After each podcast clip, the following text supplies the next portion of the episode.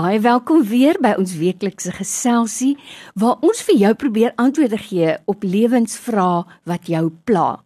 Ek doen dit nie alleen nie. My gas in die ateljee is 'n verhoudingskenner, hy's pastorale en kliniese terapeut, Dr. François Swart. So baie dankie Dr. François weer vir jou tyd vandag. Ons waardeer dit regtig baie. Dankie Doreen, lekker om hier te wees. En hallo al die luisteraars. En ek wil sommer net vir jou ook noem, onthou as jy vrae het wat jy graag beantwoord wil hê, stuur 'n WhatsApp na 084 6614104. En wie weet, in 'n volgende program iewers gaan ons dalk by jou vraag uitkom. Dr. Franso vandag sê iemand hier: Ek en my vrou sukkel om te kommunikeer. Hoe kan ons ons kommunikasie verbeter? En dan 'n volgende vraag wat ek dink wat hiermee saamhang baie baie luisteraars het hierdie probleem en ek merk op dit is oorwegend vroue wat sê my man loop agter ander vrouens aan. En dan die een vrou sê hy kom net huis toe sy wil skoon wasgoed hê maar verder is hy met ander vrouens of met 'n ander vrou besig betaal nie onderhoud vir die kinders nie en die persoon sê behalwe vir die emosionele lyding kry ons finansiëel ook baie swaar deur die gedrag van my man. Dis twee gelaaide vrae, nê? Ja, nee, dit is 'n uh, gewigtige vraag, maar dis ook lekker vrae. Dit gaan oor die liefde tussen mm. man en vrou. En kom ons begin. Eh, die eerste vraag, ek en my vrou sukkel om te kommunikeer en hoe kan ons beter kommunikeer? Dis eintlik 'n vrou wat vra. Ek sukkel met my man te kommunikeer. Ek wil vir die ouens wat sukkel in hulle huwelike vra. Sukkel jy om te kommunikeer? Dan is my teenvraag, dans julle nog? Mm. Weet julle wat is dit om te dans? Het julle verhouding dalk 'n uh, element van dans voorheen gehad? En wat is die belangrike ding van dans? Uh, as jy 'n lekker dansmaat wil hê. Julle moet dieselfde ritme hê. Julle moet dieselfde soort van beat hê. Anders dan gaan julle op mekaar se tone trap. Nou dis dieselfde met kommunikasie. 'n Mens moet gereeld binne in jou huwelik moet jy tye reserveer waar jy lekker gaan sit. Iewers in 'n plek, dalk 'n koffiewinkeltjie. Jy kan hierdie week een kies en dan kan jou geliefde 'n ander een kies. En eenmal 'n week het julle 'n vaste afspraak. Dis 'n neutrale plek en julle vra vir mekaar drie vrae. Wat was lekker hierdie week vir jou in die verhouding? En gesels bietjie daaroor, teken dit dalk net aan in 'n boek. Die tweede vraag is wat was vir jou nie so lekker nie? Mm. En onthou, dis hoekom jy daar in die koffiewinkeltjie sit. Jy kan nie nou sit en beklei as jy nou hoor jou maat sê maar dit was nie lekker nie. Dis net die plek om te beklei. Jy neem net kennis daarvan en uh, ou skryf dit neer. En dan die derde vraag is om te sê, nou, wat gaan ons nou doen aan hierdie ding wat vir jou so ongelukkig gemaak het? Kom ons sluit kontrak. Ek ontmoet jou by die kombuistafel en dan gaan ons dit mooi van 'n kant af deurgesels.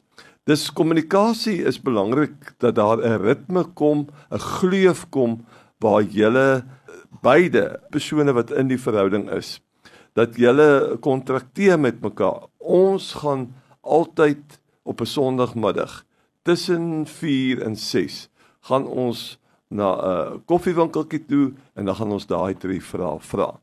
'n uh, Ding wat ook baie kan help is jy kan kyk by Eros Couples. Dit is 'n Facebookblad waarvan ek die redakteur is. Eros Couples. Jy kan dit maar net gaan sit in die balkie bo, tik dit daarin en uh, dan kan jy net gaan blaai daar rond.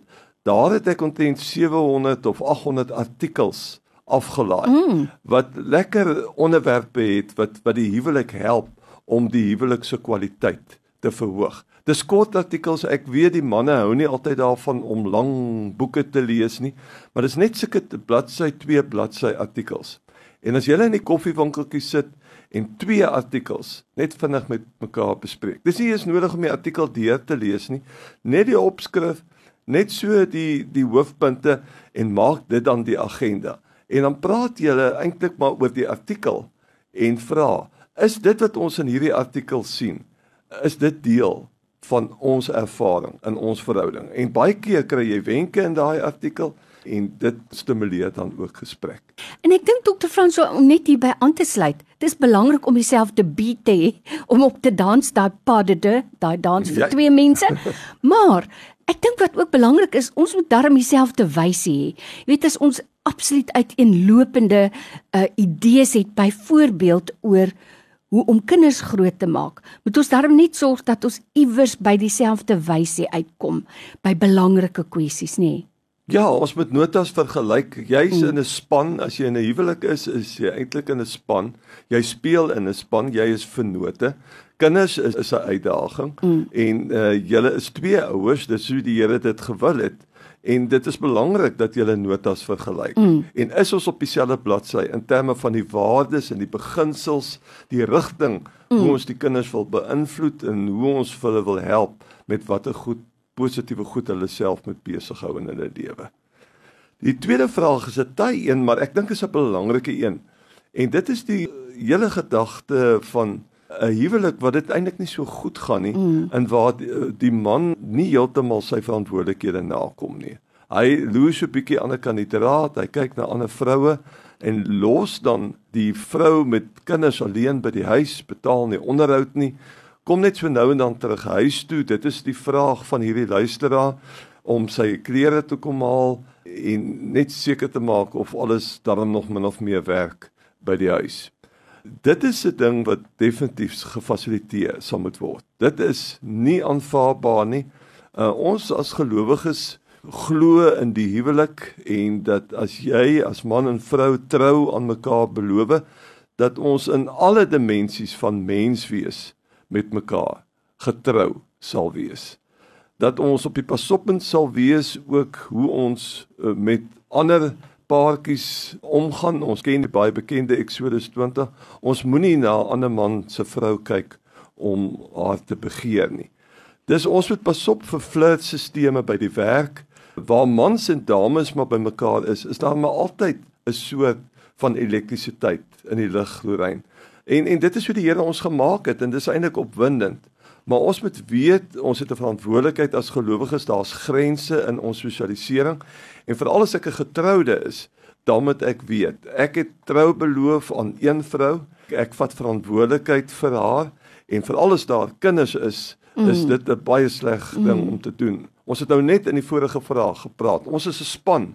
Ons kan nie uh, een deel van die span los om die groot verantwoordelikheid van kinders alleen op haar of hom te neem terwyl ek gaan plesier soek uh, op ander plekke nie.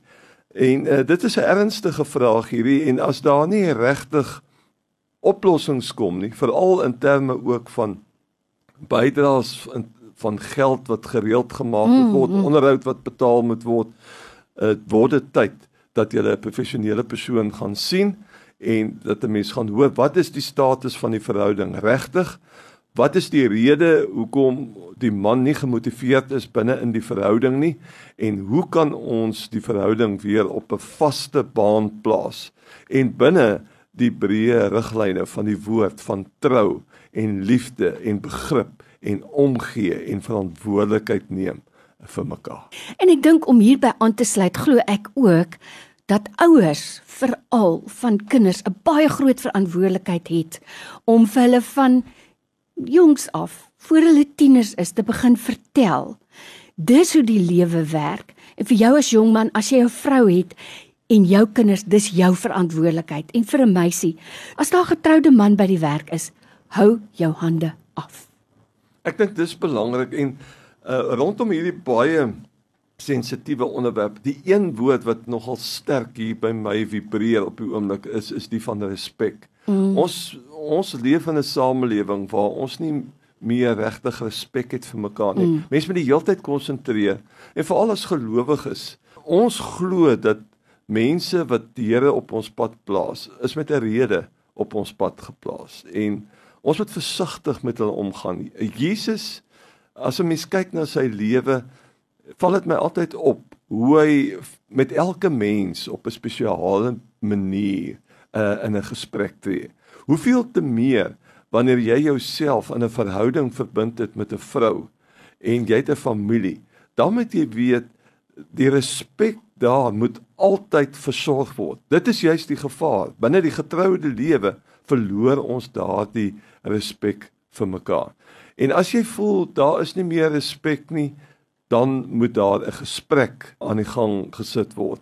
En dit is dan goed om dan 'n neutrale persoon toe te beweeg wat vir julle help om te sê waar het ons mekaar verloor?